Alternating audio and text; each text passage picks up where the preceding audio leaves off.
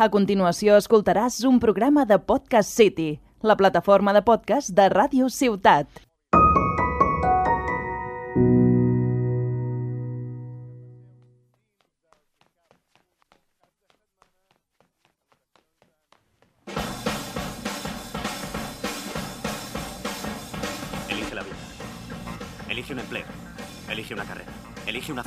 Elige un televisor grande que te cagas. Elige lavadoras, coches, equipos de compact disc y abrelatas eléctricos. ¡Paso!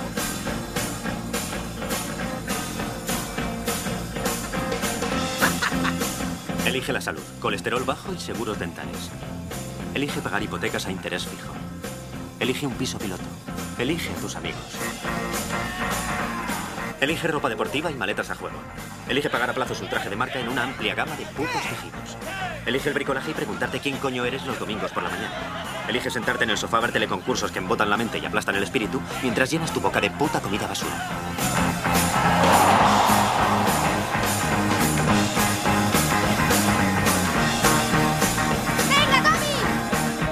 Elige pudrirte de viejo cagándote y meándote encima en un asilo miserable, siendo una carga para los niñatos egoístas y hechos polvo que has engendrado para reemplazarte.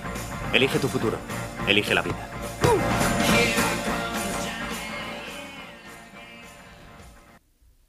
Aquesta és la declaració de principis o antiprincipis que el personatge principal de Transpotting, Mark Renton, proclamava per a la generació del baby boom. El que pretenia ser un crit sarcàstic sobre la societat de principis dels 90 i el triomf de la felicitat capitalista s'ha convertit per la generació dels seus fills, els nens egoistes que menciona com a futurs fills seus, en una utopia de vida que ni tan sols es plantegen. Sembla que no són els pares els que s'han convertit en una càrrega pels fills, sinó que avui dia molts fills continuen sent una càrrega per a aquests pares. Si has nascut entre 1986 i 1998, ho tens especialment fotut.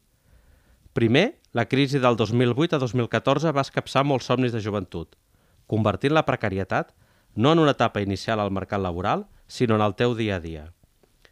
A Espanya, la situació és més dramàtica per paradoxal. Amb una piràmide poblacional quasi bé invertida, amb una base de població jove molt minsa en comparació amb les generacions més grans, tenim un dels aturs juvenils més grans d'Occident. L'atur és un dels problemes més greus a Espanya, on provoca situacions econòmiques, socials i personals greus i indesitjables a qui ho pateix, especialment quan això s'allarga en el temps. Per parlar d'atur i els seus efectes, hem convidat avui el doctor Antonio Fernández, professor de dret del treball per la UOC, i que abans ho havia sigut a la URB, on es va doctorar en dret. Benvingut, Antonio, a l'Àgora Tarragona. Gràcies, Gerard. Molt bé. Amb, amb l'Antonio fa molts anys que ens coneixem, és, eh, fins i tot havíem gravat al seu moment algun, algun vídeo parlant d'aquest tema, i el programa d'avui sorgeix una mica de, per aprofundir en el tema més enllà de l'anàlisi que es fa de, de l'atur, que suposo que anirem, que anirem parlant, eh, és per parlar, eh, evidentment amb, el, amb la Covid i tot el tema que s'està produint, eh, per parlar dels efectes tant personals com socials i, i familiars que provoca l'atur eh, a, la gent que, a la gent que ho pateix. Però, com sempre, per començar a parlar d'aquests temes, el millor és començar a parlar pel, pel principi, quan es van començar a investigar aquests temes. I l'Antonio m'ha fet arribar un llibre que es diu Los parados de Marienthal. Aleshores, bueno, fes-me en 5 cèntims i per què té tanta importància aquest estudi que es va fer? Doncs perquè va ser, va ser el primer estudi que es, que es va fer per, per, per veure eh, quins efectes tenia l'atur en una població petita on tradicionalment no hi havia hagut atur i també eh, com la població reaccionava davant aquest fenomen, eh, fenomen nou. Eh, això es va fer l'any 1931 vale? en una població eh, d'Àustria que es diu Marienthal i allà portaven 100 anys eh, treballant tothom en una fàbrica. És a dir, la fàbrica era el motor d'aquella localitat, una fàbrica tèxtil, que van ampliant, van donant feina a la gent, etc. Llavors, en un moment donat ve una crisi econòmica i a poc a poc la fàbrica acaba tancant, progressivament. Vale? Què passa? Eh, de tenir plena ocupació arribem a un nivell d'un 75% d'atur. Llavors hi havia uns sociòlegs a, a, a pròxim al, al, al Partit Socialista que, que van, van anar allà a investigar eh, com afectava a l'atur a, a aquestes persones. No? I van descobrir doncs, que el primer, que això és molt, molt obvi, és que provoca eh, pobresa en, en les persones, és a dir, falta d'ingressos, mm, tot i que un percentatge elevat de la població en rebia un, un subsidi d'atur, doncs havien, cada vegada doncs, eh, tenien problemes per, per comprar roba, per arreglar les, per reparar les sabates, per, per comprar menjar, baixava eh, negocis de, de la localitat havien de començar a tancar o deien que havien baixat molt eh, les compres allà. I en segon lloc van descobrir també que no només afectava a nivell econòmic, sinó també a nivell psicosocial. És a dir, la gent perdia la noció del temps i, i no sabien, eh, es, es veien perduts, no sabien què fer durant el dia, eh, no calculava bé. Per què? Perquè l'atur, eh, perdó, el, la feina, eh, la feina, l'empleo, el treball, no només ens dona diners per, per, per, per, per mantenir-nos, sinó que també ens dona un ordre en la nostra vida. És a dir, periòdicament ens aixequem, anem a treballar o fem treball, el que sigui, i al cap de setmana descansem, després hi ha unes vacances, és a dir, ens, ens, el, ens ordena la nostra vida quan estem treballant. I quan no estem treballant no ens ordena. I una població que venia d'estar tan ordenada en la seva feina, perquè tampoc hi havia tantes opcions d'oci com, com ara, doncs això va ser un cop bastant fort. I no només això, eh, fins i tot, eh, paradoxalment, la gent tenia més temps lliure, però no sabia què fer amb el temps. I realment no l'aprofitaven. És a dir, per exemple, van baixar, el, els, els, els, els estudiosos van, van agafar dades de tot eh? de lo que menjaven els nens al col·le, de lo que portaven, eh, el que gastava cada família, està tot molt pormenoritzat. Què van descobrir? Que la biblioteca eh, va baixar el nivell de préstecs de, de llibres. És a dir, la meitat de llibres ja no es prestaven. És dir, la gent no anava a agafar llibres quan tenies més temps per llegir. La gent ja no eh, rebia el diari, ja no llegia a la premsa escrita. I, en definitiva, eh, la, la gent estava com, va acabar, eh, els que pitjor estaven, estaven ja totalment inactius, és a dir, no es preocupaven d'anar al sindicat, eh, ni tenien interès per, pel tema polític, en aquella època hi havia, hi havia un entorn en aquesta zona bastant polític, perquè eh, hi havia idees socialistes, idees nacionalsocialistes, idees, idees socialcatòliques, i, perdó, cristian, crist, bueno, socialcristianes, i hi havia un, un, un moviment, no? Aquí a Catalunya, per exemple, hi ha, hi ha, hi ha també un, un tema polític important des de fa uns anys. Pues imagina't que tot això, la gent ja passés de tot això. Per què? Perquè estan en una situació d'atur, perllongat en el temps, que, que provoca això. I això són els efectes que es van descobrir, que no només era un tema econòmic, monetari, sinó que també afectava psicosocialment a les persones. En, en quin sentit els afectava? A nivell personal, de relacions afectives amb els, amb els fills, d'alcoholisme... Eh... Van augmentar els problemes eh, i va augmentar la delinqüència també uh mhm. -huh. i també els problemes entre les famílies, conflictes familiars. Vale? Problemes amb els fills... Per exemple, citen un, un, cas, un cas interessant, eh, com que no els podien comprar sabates noves i, i la reparació d'una sabata al final, eh, quan, quan la repares molt, doncs no, no acaben... Eh, hi havia una senyora que manifesta al, a, a l'estudi eh, que, que es va emprenyar amb, amb el seu fill perquè li deia que no jugués a, a futbol, ni saltés, ni, ni, ni fes esport. Per què? Perquè desgastava les sabates i no tenien com arreglar-les després. I si no tenies sabates no, es podia, no podies anar a l'escola, per exemple. O sigui, fins a aquest punt va arribar a, a, a, va, va arribar a tot. O sigui, el problema de l'atur va arribar a, a tots els àmbits socials i personals de, de la població de Mariental. I això eh, és molt important aquest estudi perquè està molt ben detallat, molt ben explicat el que van fer, mm. molt quantificat i perquè va ser el primer també. És curiós perquè tot això que ho comentes, eh, estem parlant d'una societat, el que deies, eh, que potser mirada amb els ulls del segle XXI, potser amb una idealització, no? tenim una imatge de, de comunitat, no? de, doncs, de la gent els demòcrates cristians participaven a l'església, els socialistes es sindicaven, eh, i tot i així es produeix una desmobilització i un empitjorament mm, psicològic, social de, de les persones. Eh, clar, jo ara penso tot això a la societat actual i amb la crisi econòmica que estem vivint que estem vivint en, en, en aquests moments. Quines extrapolacions o podem fer eh, respecte al que succeeix amb el, el que va succeir fa bueno, 90 anys amb la situació que tenim ara de amb la situació que tenim ara d'atur? Ara, ara eh, hi ha coses diferents, però hi ha, hi ha coses que són, són iguals. En principi, abans eh, només hi havia dos tipus de, de situacions. O treballaves amb una feina a temps complet o un negoci, és a dir, hi havia el treball típic que es deia, és a dir, tota la vida la mateixa feina, durant tot el dia, sense canviar o gairebé sense canviar mai. I o estaves treballant o estaves a l'atur. Ara hi ha múltiples situacions perquè pots estar tenint un contracte laboral indefinit, eh, a la mateixa empresa, és difícil que una persona entri en una empresa i s'acabi jubilant a la mateixa empresa. Això és molt, molt difícil. I ara el paradigma de, de, de feina no és la feina estable i, i, i a, a jornada completa i, i que després tens les vacances i un joc estable, sinó que és, doncs pots tenir contractes temporals, períodes d'atur entremig d'una feina o una altra, contractes a temps parcial, etc. Períodes de pràctiques quan acabes d'estudiar i fins que no trobes una cosa una mica amb cara i ulls, doncs, doncs et sents... Realment els efectes eh, psicosocials de l'atur s'assemblen molt, s'ha descobert també, a els efectes, a com, es, com, com, com, com la sensació que té la gent que també està en feines inestables o precàries. És a dir, és molt semblant. Deixen de tenir... Eh, eh, no fan, eh, tenen més dificultats per, per muntar una família, per, per accedir a una vivenda en propietat, inclús per accedir a una vivenda en lloguer, i també eh, endarrereixen el fet de, de formar una família, tenir fills. I això també passa a la gent que està a l'atur i a la gent que està en situació precària o en feines inestables o en feines a temps parcial o, o falsos autònoms o el que sigui.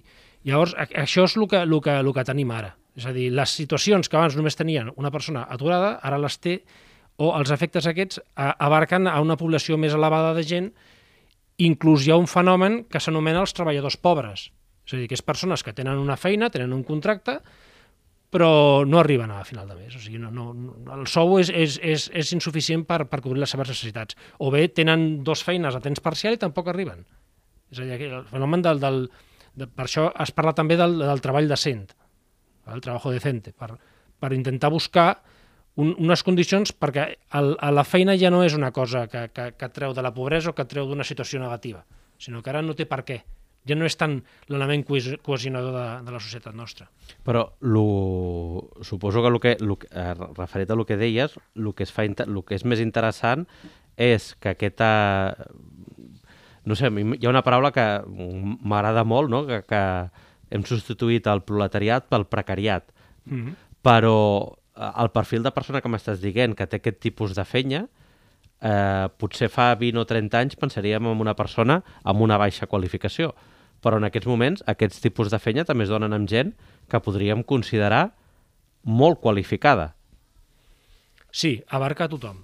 Abarca... Tot, i, tot, i que, tot i que sí que tenir, eh, tenir una qualificació elevada té, tens més possibilitats de, de tenir una feina millor, eh, no sempre és així. Però sí que està clar que qui, té, qui, qui no té qualificació ho té més complicat per tenir una feina millor. Ara abarca tothom, i, i no te'n fa 30 anys, és que Possiblement a l'any 90, 91, 92, amb la crisi que va haver, ja va començar a canviar tot aquí a Espanya. El món va canviar als 80. Vale? És el, el, als Estats Units, els jupis que, que bueno, la crisi que va haver al final de, dels 80, doncs allà va, va afectar més. Aquí va arribar una mica més tard això. Però bueno, també va arribar més tard la, la industrialització i el tema aquest de, de, de, del, del, del desenvolupisme i tot això. Però sí, ara mateix eh, ningú està ningú està sense, sense el risc de, de, de quedar en un atur i de quedar en un atur per sempre. Aleshores, eh, anem a analitzar una mica el perfil de gent que, que està, que està a l'atur. Evidentment, eh, normalment la gent quan analitza el perfil de gent que està a l'atur eh, pose, els posem tots eh, dins, el mateix, dins el mateix sac, no? Eh, però suposo que això evidentment, evidentment no és així. Eh, quina diferència hi ha, per exemple, entre un jove que està a l'atur o que té feines precàries amb una persona d'uns, eh, doncs típic, no? una persona que ha estat 25 anys treballant en un lloc, que per diferents motius s'ha quedat a l'atur. Ara, quan comentaves el, l'exemple de Marienthal, m'ha vingut al cap el- l'exemple de, de Linares, no? que hi havia la fàbrica de, de Santana, que també sí. podria ser l'equivalent a Espanya de, de la situació que té així. Uh, però bueno, tornant al tema, uh, quina diferència hi ha entre uh, aquest precariat amb una persona jove i amb una persona de, uh, de més edat? Com es perceben ells i com els percep la societat? Al, al, a l'hora de... de el, el jove sempre se'l percep eh, amb menys... Mira, hi ha, hi, ha dos, hi ha dos percepcions, quan parlem d'atur o, de, o de persones amb problemes eh, econòmics, hi ha dos percepcions, que és veure l'aturat culpable o l'aturat víctima. És a dir, si jo veig una persona que té 40-45 anys, que té una família, s'ha quedat a l'atur, el seu cònjuge també està a l'atur, doncs jo tinc una, una idea i no té res més per subsistir, i va cobrant la prestació, doncs jo, jo tinc la idea de que, ostres, aquesta persona doncs és víctima de l'atur. Vale? En canvi, en altres perfils doncs no, no es veu tant la víctima. Una persona jove, si està a l'atur, eh, és com més acceptable. No? Llavors, no, no, no el veus com una víctima. Bueno, és normal que abans de tenir una feina eh, adequada, temps complet, a un bon salari, doncs, doncs eh, et costi una mica i vagis d'una feina petita a una altra i amb feines més precàries. I després ha eh, a a l'aturat culpable, és a dir, quan, quan veiem una persona que no considerem pels nostres... Eh, eh, mm, que, que, que, que sigui víctima. És a dir, una persona que veus que té família, que el pot mantenir, uns pares, que és jove, o que, o que veus que no ha estudiat, un, el que es deia abans un nini, no? llavors aquesta persona tu, tu no el veus com a víctima, tu el veus com el culpable. És a dir, és, és una percepció que es pot tenir. És a dir, són les dues persones estan aturats, potser les dues persones busquen feina, però clar, eh, una persona la veus més víctima que l'altra. Són les, les dues percepcions, tres, etc. El que sí que està clar és que tenim eh, molt atur, molt, molt atur juvenil, molt atur de, de persones més grans de 45 anys i realment eh, doncs tenim molt atur en aquestes, dos, en aquestes dues franges, però que també eh, tenim molt atur en general. És a dir, aquesta és una explicació una mica de, de perogrullo, no? És a dir, per què hi ha tanta gent jove en atur? Per què hi ha tanta gent més gran a l'atur? Doncs perquè hi ha atur per tothom. Uh -huh. Però sí que a la persona Eh, últimament la, la normativa i les, les mesures governamentals han anat més a, a protegir o a afavorir la, la contractació dels més joves i s'ha deixat més de banda a dos col·lectius, els més grans de 45 anys i, a, i als aturats de llarga durada que moltes vegades, si coincideixen amb, amb, amb el perfil de persona de més de 45 anys, eh, hi ha, una, hi ha una, un fenomen que es diu que la cronificació de l'atur, que és que a aquestes persones ja els hi costa moltíssim ja tornar a sortir de, de la situació d'aturats i acaben doncs, accedint a la jubilació directament. Et poden passar 10-12 anys sense Ah. feina. Mm, a la, a la introducció, eh, bueno, una de les reflexions que he fet, evidentment, ara més o menys l'has comentat, que potser és una percepció errònia meva, però és molt, jo sempre he trobat molt interessant el tema del, de l'atur juvenil a Espanya. És a dir, tu mires la piràmide poblacional d'Espanya, uh -huh. és, uh, és un rombo, que cada vegada té més, més forma d'arbre cada, cada rombo, és a dir, que tenim una població molt envellida que s'es- que, que s'està jubilant i prejubilant, amb una, amb una base molt petita de gent jove, però en canvi tenim un dels aturs més alts de bueno, de- d'Occident, de, de la Tenim, tenim el més alt d'Europa. tenim el més alt d'Europa. Tenim el més alt d'Europa. Atenció, de menors a 24 anys. Ja. Vale? És que un menor de 24 anys ja, ja, no, ja no és... cons- És que mm, en principi no hauria d'estar treballant, perquè en principi s'està formant. Vale? Uh -huh. Aquest és el tema.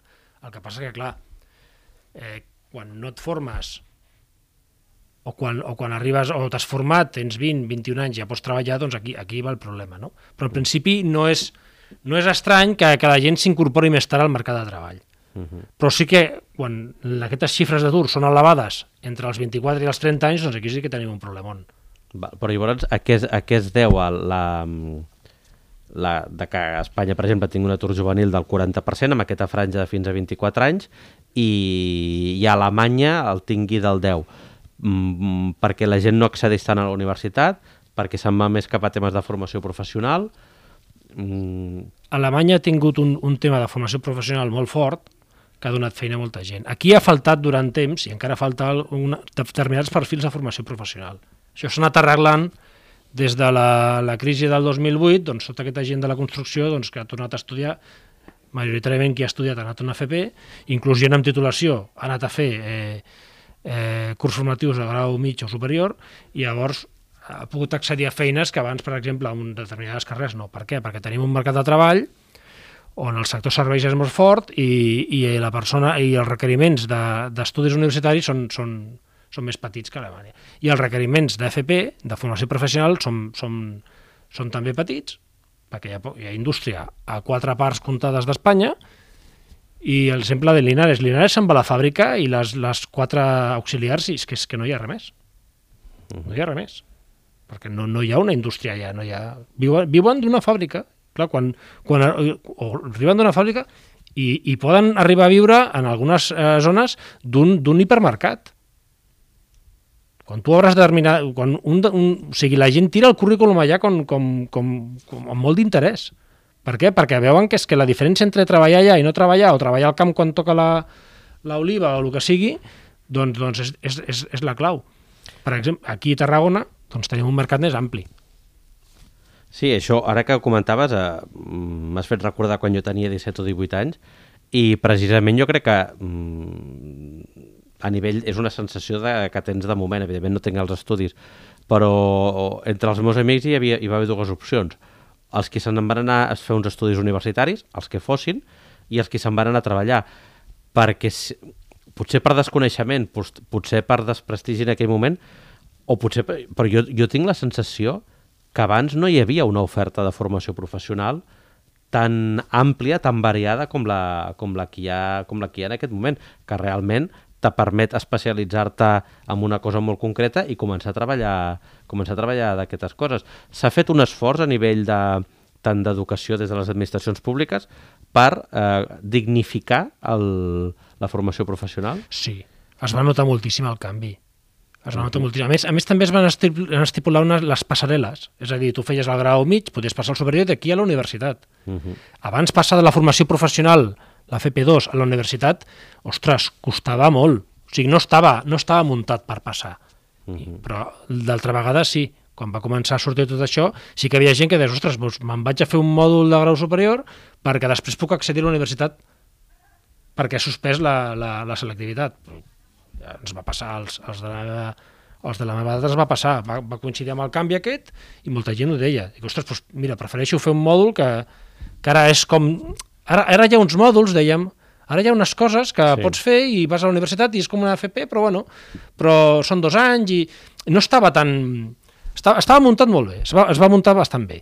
I se segueix treballant, també la formació per, per aturar. Aquí el problema però També... fins i tot, jo que he tingut per feina molta gent jove que venia d'aquests mòduls, hi havia, al principi, hi havia com una, una sensació de, de desprestigi cap a, cap, a, cap a aquest tipus de cosa nova, però la sensació que, to, que jo tinc, amb els anys que ho he anat veient, és que realment ha servit perquè la joventut eh, tingués una, una, una formació, unes habilitats, no? unes manuals eh, de, del que sigui per, per formar-se i poder, i poder accedir al, al mercat laboral. Mira, hi havia empreses al 2011 industrials que no trobaven gent que anaven al, al, al, al centre formatiu de formació professional i hi havia tres persones fent classe de, de, de mecànica, d'ajustador, del que sigui. Uh -huh. I aquesta gent, quan sortia d'allà, començava a treballar. Per què? Perquè era, tot, era encara... Eh, encara hi havia una mica de, de, de gent doncs, que s'havia anat a la construcció Uh -huh. I aquells començaven a estar aturats i encara no estaven allà... Encara estaven... El tema de, de, de l'atur també és que fins que, fins que no veus eh, que, que, que tens una opcions, doncs penses que, que continuarem. No? Això està, també està demostrat. Quan, quan, un, quan un entra a l'atur, eh, passa una estona, passa un, primer doncs, aprofita, descansa, està, no treballa, està, bueno, arregla quatre coses que tenia pendents, uh -huh. eh, papeleo, eh, una, alguna cosa a casa, que és, bueno, coses que abans no tenies temps, i quan, quan ja portes un, dos mesos que ja has parat, doncs llavors comencen a buscar feina. O fan un curs, o fan formació, el que vegis, ¿vale? I, i està la gent més animada. Però al cap de, de mesos, si no troben, ja comencen a, a, a, a desanimar-se.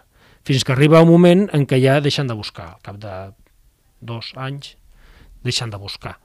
Per què? Perquè acaben en el desànim. Per això és important que quan una persona entra a l'atur surti ràpid. Això es parla de la, la trampa de l'atur. La trampa de l'atur és un concepte que vol explicar el fenomen pel qual una persona, eh, segons va passant el temps que està aturat, té més dificultats encara de trobar una feina. Ja està demostrat, i alguns economistes laborals han, han estudiat, que en sis mesos que estiguis aturat baixen les, les possibilitats de que, de que tornis a treballar.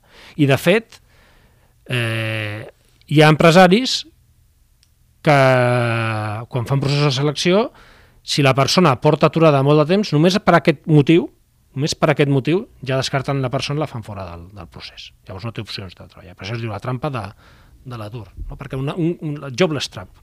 Un, un cop caus, com surtis, com no surtis ràpid, te pots quedar per sempre. Això, quan es tracta de treballadors madurs de més de 45 anys, eh, és un problemon.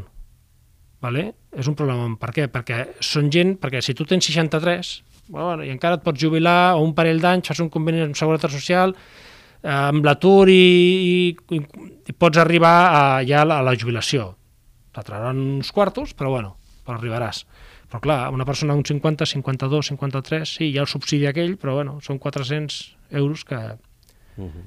que has de ser així, no? Uh, un, dels, un dels conceptes que, que revisant, revisant la documentació que m'has passat és el de, i que bueno, m'ha cridat l'atenció, és el... Bueno, els sociòlegs agrada molt posar aquests noms així, aquests anglicismes, però crec que aquest és molt interessant, que és l'efecte Scarring. Sí, és també un, és també un efecte que han posat, que és, eh, Scarring vol dir cicatriu. -huh. És a dir, quan tu caus a l'atur, també quedes marcat. Què vol dir? El que hem dit. Que després, sobretot en, en, en gent jove, que això determinarà, quan portes determinat temps a l'atur, determinarà que puguis accedir a, a millors o pitjors feines, o més ben o, o pitjor pagades, d'acord? -huh. Per tant, jo també, jo també faig servir un, un, la paraula estigmatització. És a dir, per mi una persona aturada està estigmatitzada. Per lo que hem dit, els empresaris eh, no, no ho veuen correcte, pensen que, que has esgotat l'atur, la prestació perquè no volies treballar, poden pensar que t'has desactualitzat, com per, precisament per això estan els cursos de, i la formació ocupacional, que és, deixem un munt d'euros de, de, cada any, i, i és també el que ens permet, aquesta estigmatització, aquesta segregació, el que a mi em permet eh, treure la teoria de que, de que quan, quan, quan deixes fora d'una contractació una persona pel sol fet d'estar a l'atur, doncs és un motiu de discriminació que hauria d'estar, o està, està prohibit, en la, meva, en la meva opinió, està prohibit per la llei. D'acord? En principi es podria demandar. I en principi eh, no s'hauria de tolerar aquesta situació perquè, com he dit, atenta contra la dignitat, perquè realment eh, la conducta que es fa quan rebutges una persona per estar a l'atur és la mateixa que, que pots tenir quan rebutges una persona perquè, perquè en aquella època ha tingut la cita, perquè té la, o ha tingut el Covid, que és una cosa que s'està parlant, o per ser de determinada raça, o per ser de determinat sexe, o per tenir una orientació sexual. És a dir, al final, la, les conseqüències per la seva dignitat són aquestes i com que és un, un concepte, un, un factor que no apareix eh, mencionat explícitament a, a la normativa antidiscriminatòria, doncs, doncs eh, hi ha algunes reticències a, a dir, però per la meva opinió no ho és, perquè els efectes que, que tenim eh, per la persona de l'atur són devastadors, ja ho hem vist, eh, augmenta la delinqüència, augmenten, tenen més problemes, eh, tenen més possibilitats de, de tenir problemes mentals, uh -huh. de tenir depressió, de tenir ansietat, hi ha estudis que ho relacionen també amb, amb nivells de suïcidi, hipertensió, etc etc. O sigui que al final eh, i a més a més és, un, és, una, és una situació que, que, que es percep fàcilment. És a dir, tu si una persona és homosexual i com a empresari no vols homosexuals, tu no, tu no, no saps que aquella persona ho és o que està a un sindicat o que té unes idees polítiques determinades, si no ho, ha, no ho ha exterioritzat. En canvi, aquest tema es veu fàcil perquè agafes el currículum i veus uh -huh. els, les llacunes que hi ha, no? els buits, i, i, i això ho pots, ho pots veure més fàcil. És dir, una cosa que veus molt fàcil i que és igual de, de, de, de devastadora per la persona com, com un altre factor, no, no està protegit o no es reconeix directament. Quan jo entenc que o sigui, no té sentit que ens gastem milers i milers i milers d'euros cada any en polítiques actives d'ocupació en formació per, per gent en ocupació, en foment de la contractació, si després tu pots permetre que una persona que sigui eh, lícit, que tu deixis fora eh, d'un procés selectiu una persona perquè està aturada des de fa sis mesos. No té, no té sentit. Igual que es fa quan, quan, quan, per exemple, una cosa que ara es posa... Bueno, una cosa que ja es feia, però que ara s'ha posat més, més s'ha fet més visible, és eh, la discriminació per, per quan tu t'apuntes... Ara la gent busca feina per internet. Tu t'apuntes a, un, a un portal d'ocupació i, i busques feina. No? Això donaria per un programa quasi a part del tema de les xarxes socials, i...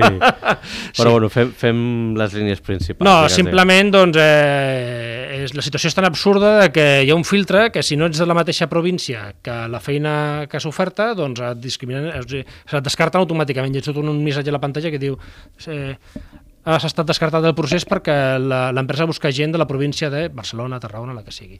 Quan això doncs, no té sentit. Per què? Perquè precisament eh, aquests portals van sortir per poder buscar feina a tot arreu i no haver d'anar preguntant a, a, la, a la teva zona, que, eh, empresa per empresa, i perquè realment en un entorn europeu de lliure circulació de treballadors tu, tu no pots anar posant aquest tipus de... perquè el que es vol és que la gent es mogui. Uh -huh. O sigui, no, no té cap sentit. Inclús hi ha un compromís d'activitat que fa la persona que està a l'atur quan s'apunta a l'atur, com a demandant d'ocupació, que és que si t'ofereixen una feina a, a uns quilòmetres determinats quan portes més d'un any i no l'acceptes, doncs, doncs et pot penalitzar. És a dir, per una banda estàs dient que, vols, que, que penalitza si no va més lluny d'uns quilòmetres i per altra banda pots estar penalitzant perquè viu més lluny d'aquells quilòmetres. O sigui, és, és, és una situació absurda, il·legal, i que, i que, i que dona també una imatge de, de que amb, amb la gent que està a l'atur pots fer el que vulguis. Bé? Els pots maltractar com vulguis. Poses aquest sistema de, de la província, poses el, el que porta molt de temps, doncs també fora. És a dir, ara també hi ha, una, hi ha un portal que té una opció perquè puguis eh, Clar, però també esborrar la gent ara estàs comentant una sèrie de coses, no? doncs, com això com estàs dient, els filtres a l'hora de, de buscar feina, eh, una de les coses que, que per exemple, m'ha fet molta gràcia de, dels materials que m'has passat, és que per, per uh, ho diré en anglès que queda millor, per aplicar en una feina, eh, te preguntaven què n'opinaves de, dels aldarulls que hi havia hagut a Barcelona. Clar, jo, jo entenc que hi ha preguntes que és complicat de, que jo que, que tinc feina, penso, jo no la respondria, però clar, eh, la persona que, que, que opta per aquella feina és una persona que necessita aquell, aquell, aquell treball. Llavors, tu, eh, la, la persona que, que, que busca la feina és molt dèbil per, per intentar canviar aquest sistema. Eh, des de les administracions públiques, des del legislatiu, s'està intentant arreglar aquestes situacions? Hi ha algun projecte? No. No. És a dir, ara mateix la, la, la recerca de feina per internet està totalment... O sigui, tothom passa de... O sigui, està, està regulat, però aquí ningú, ningú pren, pren les mesures que han de prendre. És a dir, eh, el pitjor d'aquesta pregunta és que tu no saps què has de respondre. Clar. Perquè si tu et diuen ets una persona que li ha de treballar en equip, doncs què has de dir? Doncs sí. Eh, tens fills que puguin perjudicar la teva dedicació a la feina? Tu, tu dius no, encara que els tinguis, no? Pots mentir, mm -hmm. no passa res. Però clar, aquí què has de dir? Estàs d'acord? No estàs d'acord amb els aldarulls? Que, que, que, tu què saps que vol sentir l'altra persona? És lo pervers. I a més a més, si no respons no pots continuar a, a inscriure't a l'oferta. I depèn del que responguis, eh, et valorarà negativament o no, depèn de com ho hagi configurat. Uh -huh. És a dir, és una, és una cosa que... Al final hi ha una cosa que és el, el negoci de, de, de, el negoci de l'atur, no? com totes aquestes empreses s'aprofiten que, que hi ha gent amb necessitat per, per instaurar uns sistemes de, de selecció de filtres eh, discriminatoris que només afavoreixen a les, els desitjos de, la, de les empreses que, que contracten aquests serveis. I, i perquè vegis com com, i, i, bueno, eh, després hi ha bueno, coach, eh, gurús, conferències per, per, bueno, per tenir la gent entretinguda, per manipular la gent, perquè es deixin els diners en un assessor que els ajuda a buscar feina, cosa que de vegades doncs, són estafes, o són gent que, que, no, que simplement s'aprofita de la desesperació d'aquestes persones. L'últim que hem vist, jo vaig veure una cosa quan, quan el tema del Covid, que si vols acabarem Sí, és un això. dels, és un, la pregunta que et volia fer. Clar, la- l'aparició del Covid eh, crec que est- mm, provocarà que els propers 10 anys eh, escrivim bibliografia des de medicina, dret, sociologia, psicologia, etc, perquè crec que ha estat un, un gran un, un gran què no? dins, de, dins, de, dins del món científic i acadèmic, però sí, bueno, tornava a fer aquesta pregunta de, es, amb el tema de, del Covid.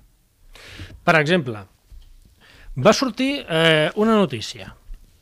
Posaven un pantallasso de, de una captura d'imatge d'un portal que posava oferta d'empleo, eh, requisito, això al, al, a l'estiu passat. Requisito, haver superado el Covid. Vale? Va sortir per totes les televisions. Jo el dia següent que va sortir això, vaig entrar en aquell portal. I vaig mirar totes les ofertes, 50 ofertes, a veure quantes ho posaven. Perquè la notícia era, están pidiendo esto ahora para poder trabajar. De totes les ofertes, no em vaig trobar cap que ho demanés. Poc, un temps després vaig trobar una que posava valorable i era per cuidar una senyora gran. Valorable haver passat el Covid. Vale? El que sí vaig veure és, a l'apartat on la gent s'ofereix per treballar, que sí que hi havia 5 o 6 persones que sí que posaven com a mèrit he passat el Covid por lo que pueden contratarme sin problema. És a dir, una cosa que no era veritat, que és que això ho estaven demanant perquè no era veritat, perquè no hi havia ofertes, de fet, possiblement era un fake, inclús, vale? havien aconseguit que els aturats ho posessin com a mèrit, una cosa que al final s'ha vist que tampoc no, no serveix per res, passat perquè et pots tornar a reinfectar o el que sigui, no? Perquè això encara està una mica en l'aire. És a dir, t- tot val, vale? Traieu una notícia d'una cosa que pot fer que la gent comenci a agafar neguit de que estan demanant això, veiem que no passa, que no és real, a la setmana següent ens hem oblidat d'aquesta notícia, però la gent encara està pensant i posant els currículums, i posant allà, he passat el Covid, o sigui, dient dades mèdiques seves que no té l'altre per què saber, rebutjant la seva intimitat i la seva dignitat per intentar aconseguir passar abans d'un altre per aconseguir una feina. Sí, sí, és, uh, bueno, és una, una carrera de rates, no?, en, en un moment donat de, de crisi i fins i tot d'histèria col·lectiva per, per aconseguir un, un lloc per sobre de l'altre. Um, una pregunta per, per acabar. Uh, bueno, què, què recomanaries uh, amb una persona que, que està a l'atur, que porta un any, un any a l'atur, perquè bueno, aquí suposo, a part hem de diferenciar entre el que està amb un ERTE, amb, amb un ERE o el que està a l'atur, perquè clar, són causes completament... O sigui, a la pràctica és el mateix perquè està sense treballar, però fins i tot des d'un punt de vista social no està mal vist. És, a dir, tu portes un any a l'atur i entraries dins d'aquest perjudici a l'hora d'anar a buscar feina, però portes un any amb un ERTE sense treballar i no, no, es, bueno, no hi hauria aquest prejudici, no?, per el que estaves dient. Aleshores, què recomanaries a una persona um, que, va buscar, que va buscar feina i, i bueno, què, Jo- què, què li diries? Jo el que li diria és que vagi a una persona que faci orientació als serveis públics, que demani orientació als serveis públics, que tanqui la tele i que tota la informació que vegi per internet la prengui amb molta cautela. Però sobretot que vagi a rebre una atenció personalitzada, perquè realment mm, jo no puc dir a la gent el que ha de fer, perquè, cada, cada, perquè la, busca, la recerca de feina quan, quan has d'estar assessorat ha de ser algú personalitzat per tu. O sigui, quan fem una, un superevento i ve un gurú a fer una xerrada per 200 persones, o sigui, l'orientació professional no pot ser una xarlatet, perquè no té sentit. Ha de ser personal, examinar com està aquesta persona, quines possibilitats té, quina formació té, cap a on vol anar, d'on ve, opcions que té, etc. O sigui, per això necessita un assessorament, hi ha també les lanzaderes d'empleo, també també dona assessorament gratuït, i els serveis públics d'o- d'ocupació, Catalunya el SOC, doncs, doncs eh, demani i que, i, que, i que ho treballi. I sobretot això, eh, personalitzat i, i sense fer cas del munt d'històries que, que et poden explicar i noves tendències i això és el que es porta i el que no es porta perquè moltes vegades són, són material fake, eh, fals, i que el que, el que volen és, és doncs, omplir, omplir temps de tele, temps de, de pàgines web, visites, clickbaits, etc. Creus que, eh, ara parlant del tema del coaching, eh, hi va haver un boom aquí a Espanya, just quan va, hi va haver la, la, la crisi del 2008 fins, eh, fins fa quatre dies, hi va haver un boom de coaching, no? Par parlant precisament d'això, de, de res personalitzat, d'una persona que es posava allà davant del micròfon, que te feia aplaudir i, i tirar-te damunt d'un altre, i deia, venga, el límit eres tu, i era, i era forrar-te. Tornarem, tornarem a viure un fenomen eh, així? Jo, uh, el fenomen aquest va durar el que va durar. Mm. Vale? La meva opinió és que, excepte quatre que ho van aconseguir fer diners, la, els altres que ho van intentar doncs no, no, no, han, no han fructificat. Vale? Jo no crec que torni això. Uh -huh. Perquè, de fet, ara el que està de moda... Gent que parlava... Eh, ara, eh, tot aquest positivisme, gent que estava a favor d'això, ara està en contra d'això. O sigui, gent que veies per xarxes aplaudint aquestes coses, ara són els màxims crítics. Uh -huh. És a dir, és, el ridícul de, de les xarxes i d'internet, no? Un dia dius una cosa, com que jo porto des del 2012 a diverses xarxes i, i llegint contingut d'aquest, doncs al final veus aquesta persona que ara està dient i fent vídeos, fotent-se amb això i fent tuits, criticant això, doncs aquesta persona ho ha fet abans. Uh -huh. Però com que ara el que es porta és això, doncs tenim... Jo no crec que torni això. Molt bé. I una última pregunta per acabar. bueno, la penúltima, la última és la, la típica de que fem el programa. Um, el perfil de la gent que s'ha estat manifestant a Barcelona, a, que, o, bueno, i aquí a Tarragona i a diferents ciutats de Catalunya i d'Espanya aquestes últimes setmanes, bueno, se n'ha parlat molt, s'ha debatut molt de si era una frustració per la manca de futur. En teoria, per, per lo que dius tu, eh, la gent que es manifesta no seria el perfil de la gent que, que en teoria es diu que hi ha darrere d'aquestes manifestacions. Una persona que porta aturada, una persona de, aturada a llarga durada, no, no intervé en la vida pública. És a dir, no, no fa manifestacions. Això està demostrat. Perden interès en aquestes coses. És a dir, un, un col·lectiu que, que, que, que, que hauria d'estar emprenyat i que està emprenyat i que està, i que està perjudicat i que hauria de ser la, la, la, la màxima mobilització per aquestes coses realment no ho fa. És, és una paradoxa. És a dir, el que està demostrat, i l'últim estudi que es va fer important va ser el 2000, ara fa poc també, 2016, 2013, no me'n recordo ara bé, però ho va fer i, i es veu, la gent no volia, no volia associar-se, no volia, no volia no, no tenen ganes de fer aquestes coses, es desmotiven, es desmobilitzen políticament. Mm -hmm. És a dir, qui està fent això, ja et dic jo que aturats de llarga durada no són. Bueno, Pots, ara... Poden ser joves que no tenen feina, sí, poden ser. Ara fins i tot, però, bueno, potser eh, m'equivoco del nom, ja... però fins i tot avui he vist a les xarxes socials que s'estava intentant crear com un sindicat d'aturats o... Hi ha associacions d'aturats d'aturats grans, de... n'hi ha dos o tres. Uh -huh. vale?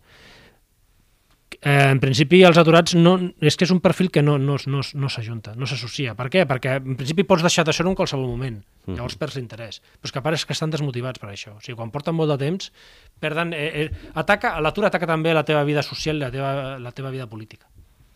Bueno, la pobresa... Ara, mm, mentre m'ho comentaves, m'ha vingut al cap una vegada una, una noia que va venir a l'oficina on treballo, una estrangera, i em deia, deu fer uns 8 o 9 anys, ah, doncs la situació econòmica a Espanya no sembla tan dolenta, no? Perquè els bars estan plens de gent. I, clar, jo, jo li vaig comentar, home, perquè la pobresa és invisible, no? Pues, perquè el qui no té diners per anar al bar no el veuràs al bar, veuràs la gent que té diners.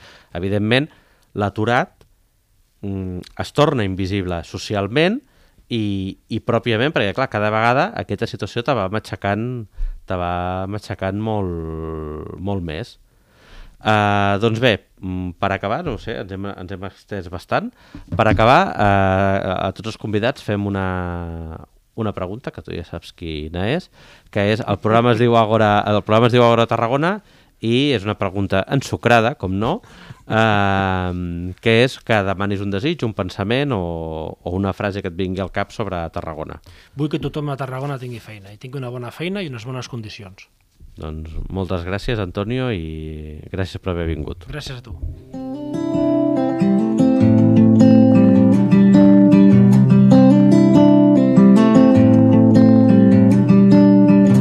cold hands and sore feet. You've been walking for an hour. Has escoltat un programa de Podcast City, la plataforma de podcast de Ràdio Ciutat.